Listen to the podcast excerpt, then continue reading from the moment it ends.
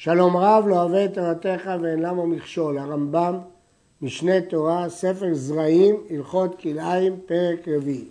מותר לזרוע שתי שורות זו בצד זו, של קישואין, ושתי שורות בצדם של דילויים, ושתי שורות של פול המצרי, ותלם בין כל מין ומין. אמרנו שבין שורה מספיק תלם, וכאן זה ניכר ולכן אין בעיה. אבל, כאן החידוש, לא יזרע שורה אחת של קישואין, ושורה אחת של דילויים, ושורה אחת של פול המצרי, אף על פי שהתלם מבדיל בין כל מין ומין.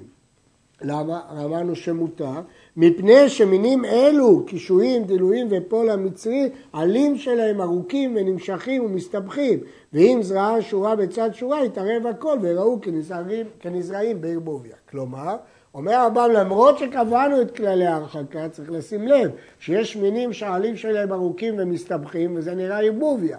ולכן שורה של דילויים, שורה של פול המצרי, שורה של גילויים, גם דילויים, כל העלים יתערבבו, תראה ערבוביה אחת גדולה. אז למה בשתי שורות קישורים ושתי שורות דילויים מותר? הסיבה, מפני שכשיש שתי שורות, אז זה ניכר שזה מין אחד, וניכר שעל ידו מין אחר, והבדלת ביניהם בתלם. אז אין לחשוש שהעלים מתפשטים. אבל כששורה אחת וצמוד לשורה אחרת, אפילו שיש תלם ביניהם, העלים מתערבבים וזה אסור. הייתה שדה וזרוע מין ממיני ירקות, וביקש לזרוע בתוכה שורות שורות של דילויים. עוקר מן הירק מקום שזורע בו שורה של דילויים, ומבדיל בינה ובין הירק בתלם. ומניח מן הירק רוחב 12 אמה ועושה שורה שנייה של דילויים. הוא מבדיל בינה ובין הירק בתלם וכן עד מקום שירצה. נמצא בין כל שתי שורות של דילויים 12 אמה, אבל פחות מכאן אסור. פני שהעלים מסתבכים מכאן ומכאן בירק שביניהם ונראה הכל כאילו נזרע בערבוביה. גם במקרה הזה, כיוון שדילויים הם צמח שעליו מתפשטים יותר, אז משני צידי מין ירק אחר, יש לו חשש שהדילויים יתפשטו לתוך השורה של ירק, ולא יהיה ניכר שהירק עומד בפני עצמו.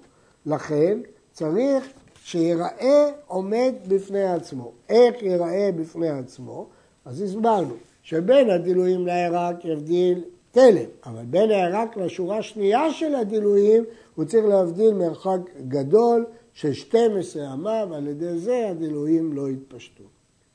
הייתה שורה של דלת זרוע, אפילו דלת יחידית, ובא לזרוע בצידה תבואה, מרחיק בית רובע. הרחקה מדלת לתבואה היא בית רובע, כלומר עשר אמות וחצי על עשר אמות וחצי. שהרי נמשכו עליה והחזיקה מקום גדול. וכל דבר שיהיה בתוך הרובע שמרחיקים בין שני המינים עולה מן המידה כגון הקבר והסלע וכיוצא.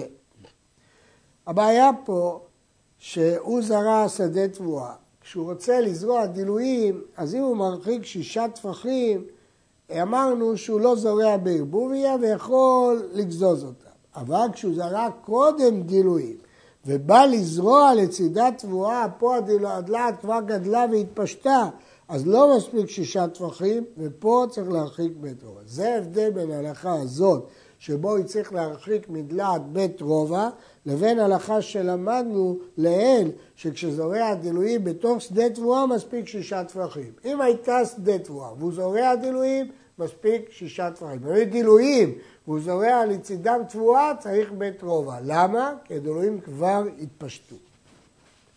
התלם או אמת המים, שהם עמוקים טפח, זורעים לתוכן שלושה מיני זרעונים. אחד על שפת התלם מכאן, ואחד מכאן ואחד באמצע. כיוון שיש מרווח טפח גם ברוחב וגם בגובה, נמצא שבין כל זרע לזרע יש מרווח טפח וגם במראית העין הם לא נראים קשורים אחד לשני.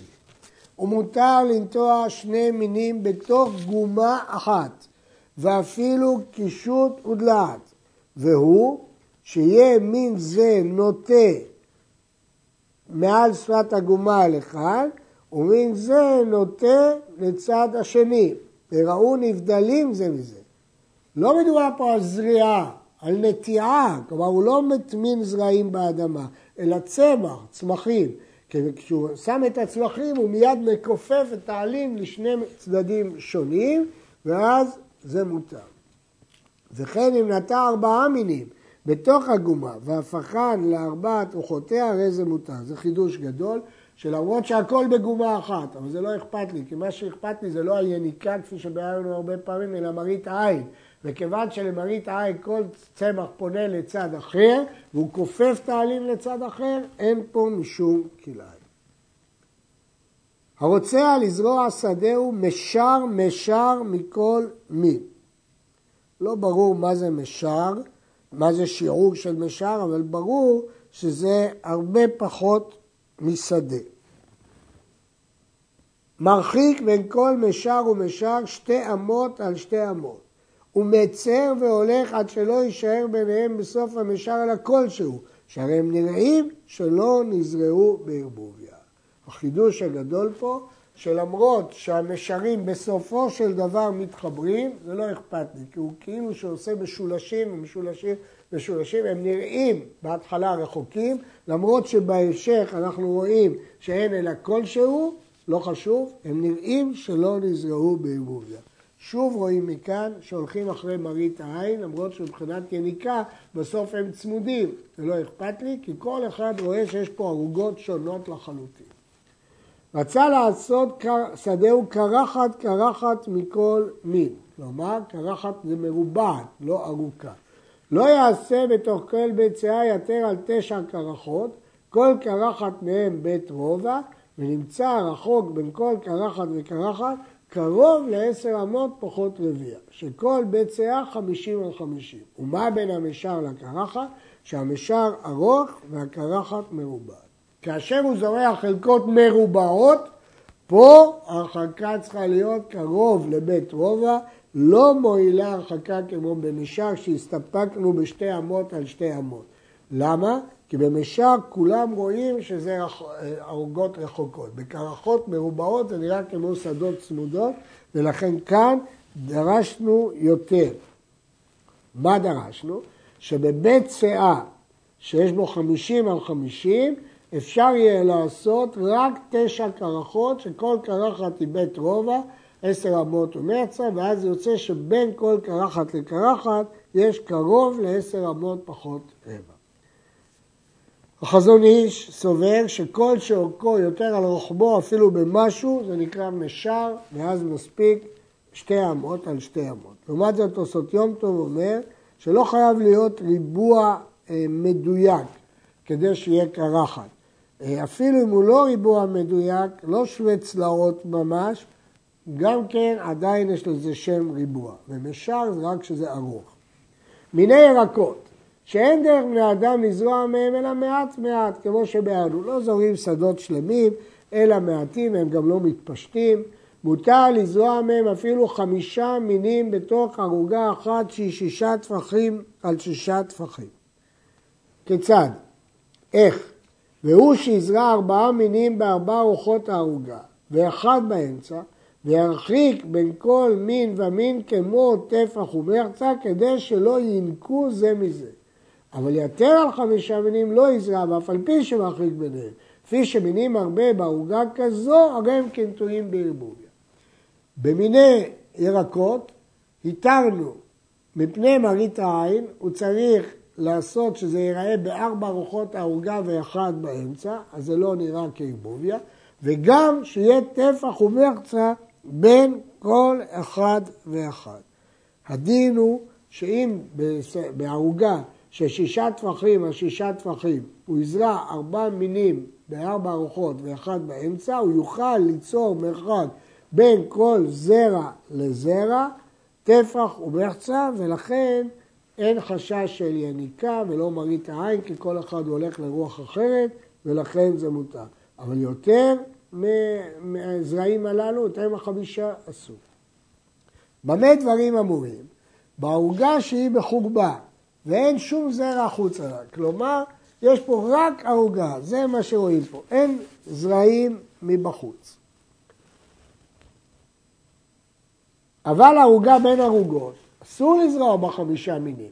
שאם יזרע בכל רוח בערוגה זו ובכל רוח בערוגה סביבותיה, היה הכל כמעורר. הרי מה שראינו שאפשר לזרוע חמישה זרעים, כי בתוך העוגה הם יהיו מובדלים. אבל אם יש עוגה צמודה לה מבחוץ, אז יהיה צמוד לזרע של העוגה השנייה, יראה הכל כמעורב. ואם איתה עלים שבעוגה זו לכאן, ועלים שהעוגה צידה לכאן, שראו מובדלים, מותר. ולמדנו כבר שאפילו בתוך גומה אחת אפשר לזרוע שני מינים אם מפרידים את העלים לשני צדדים. וכן, אם עשה תלם בין כל העוגה לעוגה, מותר, למדנו שכל ירקות שהם לא דילויים, מספיק תלם בין העוגה לעוגה.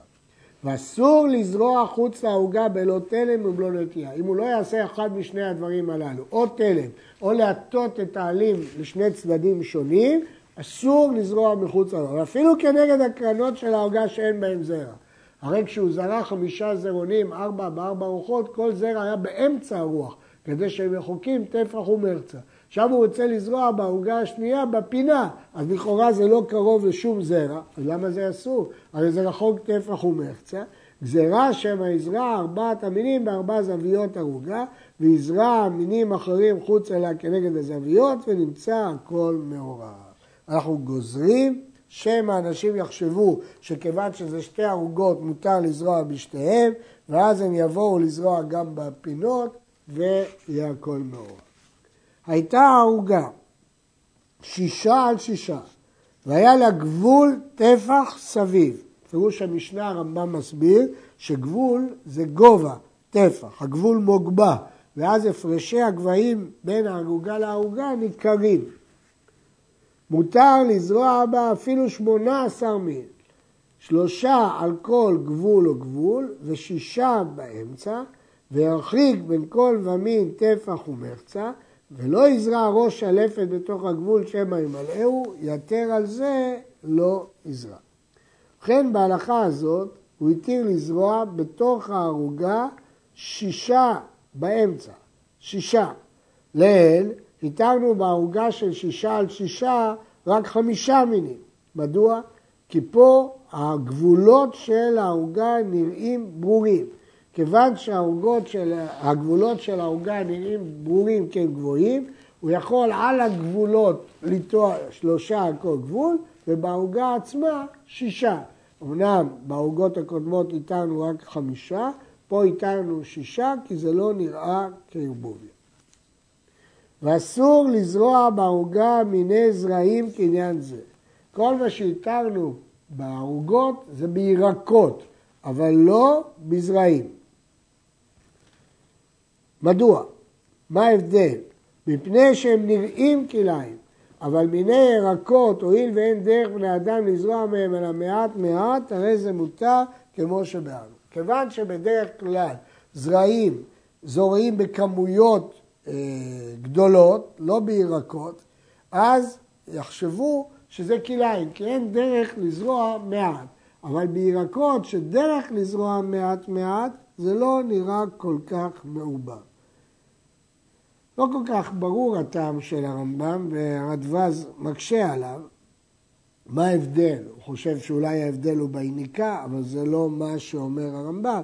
משמע בלשון הרמב"ם שמינים שדרכם להיזרע בשטחים גדולים יותר, דהיינו זרעים, גם אם מקרה מיוחד הוא זרע מעט בערוגה, הרועה לא יחשוב שזרעו כל מין בפני עצמו. כי הוא חושב, כמות קטנה כזאת אדם לא זורע, אז הוא חשב שהוא זרע את הכל בערבוביה.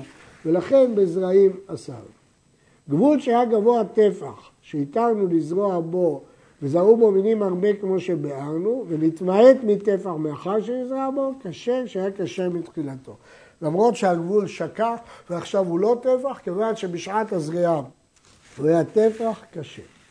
הרוצה למלות כל גינתו מיני ירק רבים ולא ירחיק ביניהם, עושה הגינה כולה ערוגות ערוגות מרובעות, אפילו שישה על שישה, ועושה בכל ערוגה חמישה עיגולים, ארבעה בארבע רוחותיה ואחד באמצע, וזורע מין בכל עיגול, וזורע ארבעה מינים אחרים בארבע קרנות ערוגה. נמצאו תשעה מינים בכל ערוגה, והם נראים מובדלים זה מזה, ואינו מפסיד אלא מה שבין העיגולים בלבד, שהוא מניחו חרב, כדי שיראו העיגולים מובדלים מן הקרנות ומובדלים זה מזה. אמרנו במקומות רבים שהאיסור בכליים הוא רק מפני מראית העין. ולכן מציע לו המשנה והרמב"ם, שאם הוא רוצה לנצל את הגינה למקסימום של ירקות, השיטה היא לעשות ערוגה מרובעת, ובתוך הערוגה לעשות עיגולים. ארבע בארבעת ארוחות ואחד באמצע. העיגולים נראים שונים, מופרדים, למרות שהמינים נזרעים שם ממש זה בסמוך לזה, כי העיגול בתוך העיגול, יש נקודה שבו שני העיגולים צמודים, אבל כל אחד רואה שזה חלקות שונות, כי זה עיגול אחד וזה עיגול שונה, וכיוון שכל העיגולים הם שונים, יכול ארבעה עיגולים בארבעה קרנות ועיגול אחד באמצע, וזורע כל מין שיוצא, אז יש לנו חמישה מינים בעיגולים, ועוד הוא יכול לזרוע בארבע זוויות של הערוגה, נמצא תשעה מינים. אבל בין העיגולים אסור לו לזרוע, כדי שיראו שזה עיגולים.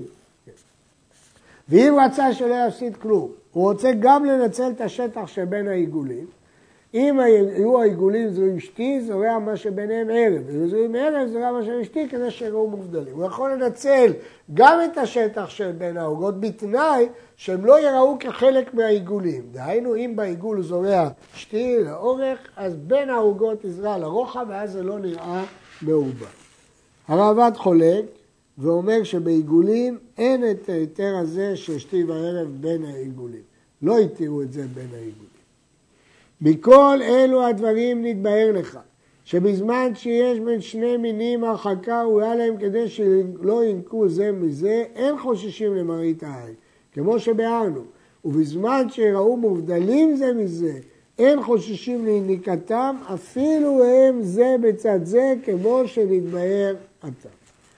סיכום הפרק הזה, מסביר הרמב"ם שאם יש מרחקים של מראית העין, אפילו שיש יניקה לא אכפת לי. הדוגמה הבולטת ביותר, שזורים שני מינים בגומה אחת, כיוון שהעל נוטה את העלים האלה לכאן, את העלים האלה לכאן. או הדוגמה הבולטת שעכשיו למדנו, עיגולים בתוך העוגה, למרות שיש נקודה של זרעים צמודים, יונקים, לא אכפת לי, כי העיגולים מראים שהם נבדלים ונפרדים. אבל יש גם דוגמה לכלל השני. למדנו בפרק ג' הלכה י"ג, שאם העלים של הדילויים מסתבכים, כן, צריך להרחיק ביניהם שישה טפחים, אבל למדנו שאם הוא הרחיק בהלכה י"ד בין שני המינים ההרחקה הראויה להם, אפילו שאחר כך הם נוטים זה על זה, תבואה על גבי ירק או ירק על גבי תבואה, מותר שהרי הרחיק כשיעור. זאת אומרת שאם הייתה הרחקה כשיעור, לא אכפת לי שאחר כך נראה כערבוביה. ואם ההרחקה הייתה כמראית העין, לא אכפת לי שבפועל הם יונקים. אחד משני התנאים האלה מספיקים.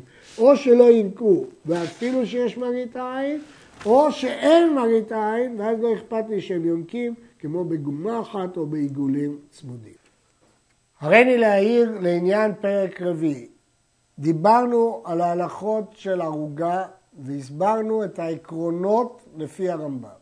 אבל יש להעיר שצריך לדון מדוע זאת השיטת הניצול המקסימלית של הערוגה. ולשם כך יש במפרשי המשנה דעות רבות עם ציורים והבחנות שקשה להסביר אותם כאן בעל פה וכדאי לעיין בהם, לראות מדוע הצורה הזאת של הזרעים שזורים בערוגה היא הצורה המקסימלית שאפשר לנצל אותה לסוגי ירקות שונים.